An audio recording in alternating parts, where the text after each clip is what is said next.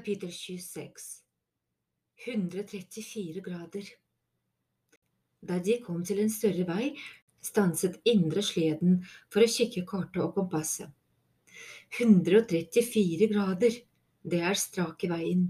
Mållinje er under halvannen kilometer unna. Jonas pekte på sporene i snøen. Det er bare et par-tre sleder som har vært her. Vi blir nok først. Det betyr ekstrapoeng. La oss komme oss frem før vi tenker på poengene, sa Connor. Vi slapp tauet straks tilbake. Han forsvant fort inn mellom trærne. Hvor har du tenkt deg? ropte Indra. Jeg må tisse, jeg holder ikke ut halvannen kilometer, gå i forveien, dere. Patruljen skylder aldri lag, sa Connor, men skynd deg. Vu forsvant bak et egnet tre. Julie dro vannflasken sin ut av sleden. Klarer vi virkelig å slå Ruepatruljen? spurte hun. De lå langt foran oss. De slo oss, de slo oss i sprinten, men vi vet ikke hva de fikk i sledbedømning, sa Indra. Det er ti poeng der også. Kanskje dommerne har sett på sleden deres og kommet fram til at de som sådan ikke engang kan ha bygd den, mens herr Hanho helt klart ser hjemmelagt ut. Indre var den eneste jevnaldrende Arlo hadde kjent, som noensinne brukte uttrykket som sådan. Hun hørtes ut som en advokat eller politiker på TV. Han kunne se henne for seg på en talerstol mens hun nesten ropte og poengterte alt hun sa med håndbevegelser. Hvis hun stilte til valg, ville Arlo ha stemt på henne. Hun var sta og irriterende, men også engasjert på en måte de fleste andre ikke var. Alle sluttet å følge med da de andre diskuterte hvor mange poeng det teoretisk var mulig for de andre patruljene å ta. Han viste at han ikke hadde noe å bidra med i samtalen. Oppmerksomheten gled mot de veiende furutrærne som filtrerte sollyset og splittet det i alle regnbuens farger. Ingen rører seg, hvisket Konor. Alle rørte seg, han snudde seg og så i den retning Connor stirret. En kjempebjørn lundet ut veien rett foran dem. For hvert skritt rullet og bølget det i den digre kroppen. Den vendte på hodet og kikket mot dem. Så la den ørene nysgjerrig fremover, men holdt seg lavt i terrenget. Arlo stivnet. Hjertet banket. I fjellboka sto det flere sider om en ulike bjørneslag, men plutselig husket ikke Arla noe av det. Denne bjørnen hadde mørk pels, men var det en brynbjørn, svartbjørn, svart grizzly? Noen isbjørn var det i alle fall ikke, hvis det da ikke var en veldig skitten isbjørn. Det er en grizzly, hvisket Connor. Vi må trekke oss stille tilbake. Ingen løper. Tordenklapp, hvisket Jonas, vi skremmer den bort. Nei, da tirrer vi den, freste Indra, bare la den gå videre. Bjørnen satt på bakbeinet og så på dem. Den virket ikke det minste interessert i å gå sin vei. Connor tok styringen. Ikke se den i øynene. Ali griper tauet. Så drar vi sleden i motsatt retning. Når vi er utenfor synet, finner vi ut hva vi gjør videre. Alle nikket og bøyde seg sakte og grep tauet. Sammen vendte de sleden i motsatt retning. Bjørnen virket interessert, men uanfektet. Og så… Folkens, ropte Vu mens han dro opp glidelåsen på buksa. Mållinja er den veien. Han pekte rett mot bjørnen. Vu så fra vennens panikkslagne blikk til den veien han pekte, og fikk se den enorme bjørnen reise seg på bakbeina. Den brølte. Løp! ropte Jonas. Arlo var ganske sikker på at det var stikk motsatt av det som sto i feltboka, for der ble det anbefalt å stå i ro når man støtte på en hissig grizzlybjørn. Men føttene tenkte ikke. Han løp så fort han kunne, med tauet hektet i albukroken. Vu skyndte seg bort til sleden og grep tak for å styre den. Lenger framme kom de til en veiskille. Høyre eller venstre, ropte Arlo. Halve patruljen ropte den ene veien, og den andre halvparten den andre veien. Ikke særlig nyttig. Bjørnen kom dundrende mot dem. Det var umulig å løpe fra dem. Brått sto det en kvinneskikkelse midt i veien. Hun hadde på seg vaktuniform, men så for ung til å være moren til en vandrer. Hun strakte begge hender ut til siden med et konsentrert oppsyn. Idet hun løftet armene til værs, virvlet plutselig snøen på begge sider av veien opp til en snøstorm. Det var omgitt av hulende vind... Det, de var omgitt av hulende vindkast og tetthvit snø, bortsett fra en liten passasje rundt sleden der lufta var i ro. De befant seg i stormens øye. Vi ble forfjamset og sa en rekke stygge ord. Uansett hva for slags spesielle evner denne tilsynsvakten hadde, ønsket alle å lære det med det samme. Et sted i snøføyken brølte bjørnen til svar. Kvinnen ga tegnen om at de skulle bli med henne. Fort! Gå! ropte Connor. Hun førte patruljen av veien. De sprang i sikksakk mellom trærne. Tilsynsvakten var bemerkelsesverdig rask og løp mer som en hjort enn et menneske. Arlo slet med å holde henne i sikte. Hun var bestandig ved neste sving og pekte i nøyaktig den retningen de skulle gå. Arlo kikket over skulderen. Nå var verken snøstormen eller bjørnen å se. Kvinnen førte dem visst langt utenfor territoriet dens. Men det var best å være på den sikre siden. Denne delen av skogen var annerledes enn resten, den føltes større, eldre, de gikk fram og tilbake mellom digre, mosegrodde kantsteiner og krysset bekker som hadde frosset til is. Selv fuglesangen lød annerledes her. Noen minutter senere mistet Arlo kvinnen helt av syne. Men han var sikker på at hun måtte ha vært på vei mot den solrike lysningen lenger framme. Sleden senket farten og stanset, Arlo så ned og skjønte hvorfor. Det var ikke snø under støvlene, bare våt jord og barnåler.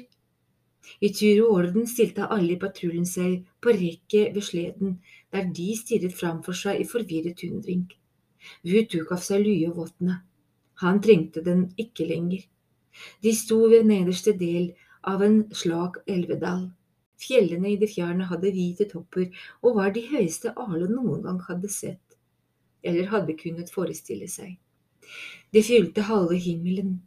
Vinden feide isflak fra de tåkete tinnene. Men her var det varmt. Midt i lysingen sto et digert furutre i brann.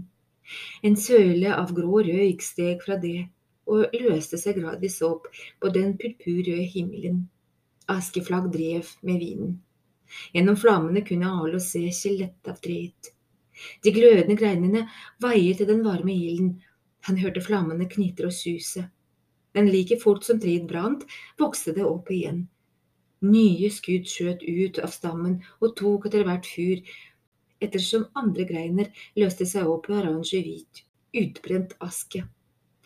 Det var i perfekt balanse, et evig varende bål. Det brennende treet ga fra seg så mye varme at alt snøen i dalen hadde smeltet. Vi snudde seg mot patruljen. Dere, hvor er vi hen? Kapittel 27 Ildalen Indre holdt fram kompasset.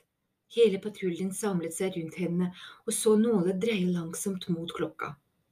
Nord var overalt og ingen steder. De hadde vandret inn i landskogene. Det var den damen, tilsynsvakten, sa hun. Hun førte oss hit med vilje. Indre lykket kompasset. Hun sa ingenting. La dere merke til det? Hun ville vel ikke skremme bjørnen, sa Julie. Av de seks var det hun som virket minst engstelig, som om hjernen hennes ikke riktig hadde fattet hvor ille situasjonen var. Connor dro ned glidelåsen på anorakken. Jeg begynner å lure på om det i det hele tatt var noen bjørn der. Det kunne ha vært en illusjon, alt sammen. Tror du hun er en heks? spurte Indra eller noe lignende. Vent, finnes det hekser? spurte Julie. Ja, men ikke vampyrer, sa Arlo, noe jeg syns er rart. Jonas la jakka si i den stadig større haugen på sleden. Men la oss si at hun er en heks eller noe lignende. Hvorfor skulle hun lokke oss hit? For å spise oss? Connor, Vu og Indre så bort på Arlo. Ingen ville si det, så Arlo gjorde det i stedet. Hun ville ha meg. Hvorfor det? spurte Julie. Hva har det som er så spesielt med deg? Det var ikke tid til å forklare om dette eller så Connors kusine og nattmaren, så Indre nøyde seg med vi vet ikke helt, Men det er noe som stadig vekk prøver å ta livet av ham. Og sannsynligvis er det denne heksa som står bak, la vi til. I ukevis hadde Arlo hatt dårlig samvittighet for å ha trykket Connor, Indre og Vu inn i dette. De var lojale venner som aldri klaget, men dette var helt klart ikke deres kamp å kjempe. Han hadde en mistanke om det var farlig for dem bare å være i nærheten av ham. Enda verre syntes han var det med Julie og Jonas, for de var blitt holdt utenfor i månedsvis. De var med i patruljen, men ikke i den indre kretsen. Det føltes illojalt og uærlig. Og nå var tvillingene forsvunnet til langskogene av grunner de ikke forsto. Jonas pekte innover skogen. Dere, vi kan bare følge våre egne spor tilbake. For fem minutter siden var vi i vår egen verden. Vi klarer å ta oss tilbake dit. Det går ikke, sa Connor. Himmelretningene fungerer ikke på samme måte langs skogene. Vi trenger ikke kompasset, sa Julie. Sleden lagde jo et spor. Vi kan bare følge det til vi kommer tilbake. Arlo ristet på hodet. Det går ikke. Sporene kommer til å forsvinne eller gå i sirkel. Det er umulig. Ja, men det samme er det brennende treet, sa Indra, og de fjellene der borte. Dette er et umulig sted. Her fungerer ingenting som er Her fungerer ingenting som i vår verden. Jonas begynte å gå den veien de kom. Vi kan i alle fall prøve. Seriøst, hva har vi å tape? I det samme du forsvinner ut av syne, er du borte for godt, sa Connor. Tro meg, jeg har vært her før. Indres øyne ble smale. Vent, her? Altså her? I denne dalen? Med furutreet? Jeg tror det. Kanskje. Han tok et skritt fram og gransket slettet framfor dem. Det ser kjent ut, alt sammen, akkurat som en drøm kan virke kjent. Men det er ikke bare treet og fjellene. Det morenfeltet der borte. Han pekte på en skråning full av digre kjempesteiner. Det så ut som om en fjellside var blitt knust av en enorm knytteneve. Det kjennes som om jeg har vært her før. Vi gjemte oss der inne en stund. Dem? spurte Indra. Du og Katie? Connor nikket. Hva mer husker du? Det var et hus, jeg husker at vi banket på døra, den gled bare opp, som om den ikke engang hadde noen lås. Hva var det der inne? Connor anstrengte seg for å huske, men kom ikke på noe. Etter det blir alt svart. Det neste jeg husker, er at det hadde gått flere uker, og jeg befant meg i Canada. Ketty var borte. De ville ikke ha meg, de ville bare ha henne. Akkurat som de bare vil ha Arlo, spurte Julie. Det begynte langsomt å demre for henne. Hvis det er ham de er ute etter, lar de kanskje oss gå? Da hun hadde sagt det, unngikk hun med vilje å se Arlo inn i øynene. Indra ble opprørt. Det kan du ikke mene, vi kommer ikke til å svikte Arlo, han er vår venn og medvandrer. Det samme er vi, sa Jonas, Allikevel fortalte dere ikke oss noe om hva som foregikk, det er deres skyld at vi er her, og hans. Vi svikter ikke Arlo, sa Konor. Vi skal finne en måte å løse dette på som en patrulje. Ingen diskusjon, ingen etterpåklokskap. Forstått? Jonas og Julie nikket motvillig. Hun hadde holdt seg utenfor krangelen, nå pekte han ut i det fjerne og myste. Dere, det er noe der borte, han fant fram en kikkert fra sleden og fokuserte linsen mens han så i den. Det ser ut som en liten steinhytte. Han rakte kikkerten til Connor. Alle ventet på hans dom. Han nikket langsomt. Jepp, det ligner på det huset jeg husker. Kikkerten ble sendt bortover rekka. Da det omsider var Arlos tur, oppdaget han at ingen av ordene passet. Dette var verken hus eller hytte. Byggverket de snakket om, var en rund haug med steiner holdt sammen av søle. Taket bestod av fallferdige treplanker og dyrehud. En ødelagt dør hang på kjeve i karmen. Om det hadde vært ost og en diger fjær der. Denne heksa, eller liksom-heksa, venter på oss der inne så hun kan fange oss, akkurat som hun gjorde med Connor og Katie da de var små. Hun har rett, sa Arlo, vi kan ikke gå dit. Indra ble glad for at også noen andre snakket fornuft, men så fortsatte Arlo. Jeg må gå alene. Connor avfeide tanken. Regel nummer én når man er på oppdagelsesferd, ikke del opp gruppen. Hvis man da ikke sender ut en speider, sa Arlo, Det står om det i stikynnene. Arlo hadde lest videre i feltboka. Det er speider, dere kan bli her og lage en verge rundt sleden. Jeg vet ikke om det er nok til å beskytte dere, men det kan ikke skade. Han tok av seg en rakken og la den oppå de andre på sleden. Indre prøvde å snakke ham til fornuft. Arlo, det er helt klart deg hun er ute etter. Hvis du går inn dit, får hun tak i deg. Og hva skjer da? Det hjelper ikke oss noe heller. Jonas var enig. Det trenger deg som forhandlingskort. Nei, det er absolutt ikke det jeg sier, glefset Indra. Vi rettet oppmerksomheten mot kameraten. Arlo, du kan ikke gå inn dit. Hvis hun ser deg, tar hun livet av deg etter det samme. Eller det som verre er. Hun kommer ikke til å se meg. Arlo løsnet tauet fra sleden. Han var i tvil om det ville fungere, men noe sa ham at det kunne tenkes. Helt fra det øyeblikket de kom til denne dalen, hadde han følt noe. Prikking i huden, summing i knoklene. Først hadde han trodd det var bare redsel, men ettersom det første panikket avtok, ble fornemmelsen bare sterkere. Det dirret hele langskogene. Hvert tre, hvert blad, hver stein summet, og han summet med dem. Han holdt et stykke tau i hendene og begynte å sure det rundt, vred på det og samlet løkkene. Indre var den første som skjønte hva han prøvde å få til. Han signaliserte at alle skulle gi ham armslag for å slå en knote. Det var mer enn kunst, man bare holdt på helt til man kjente en forandring. Litt etter litt ble tauet mer føyelig, inntil han ikke klarte å skille det ene løkken fra den andre men fingrene mistet ikke grepet. De flettet seg inn og ut, nappet og dro. Arlo lykket øynene og kjente taufibrene våkne til liv.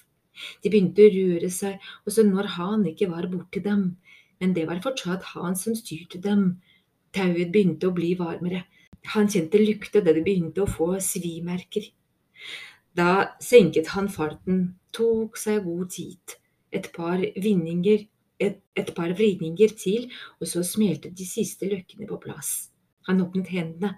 Der, midt på tauet, så han det som lignet en enkel burknop, men ved nærmere ettersyn kunne han skimte ørsmå lysglimt som pulserte med taufibrene.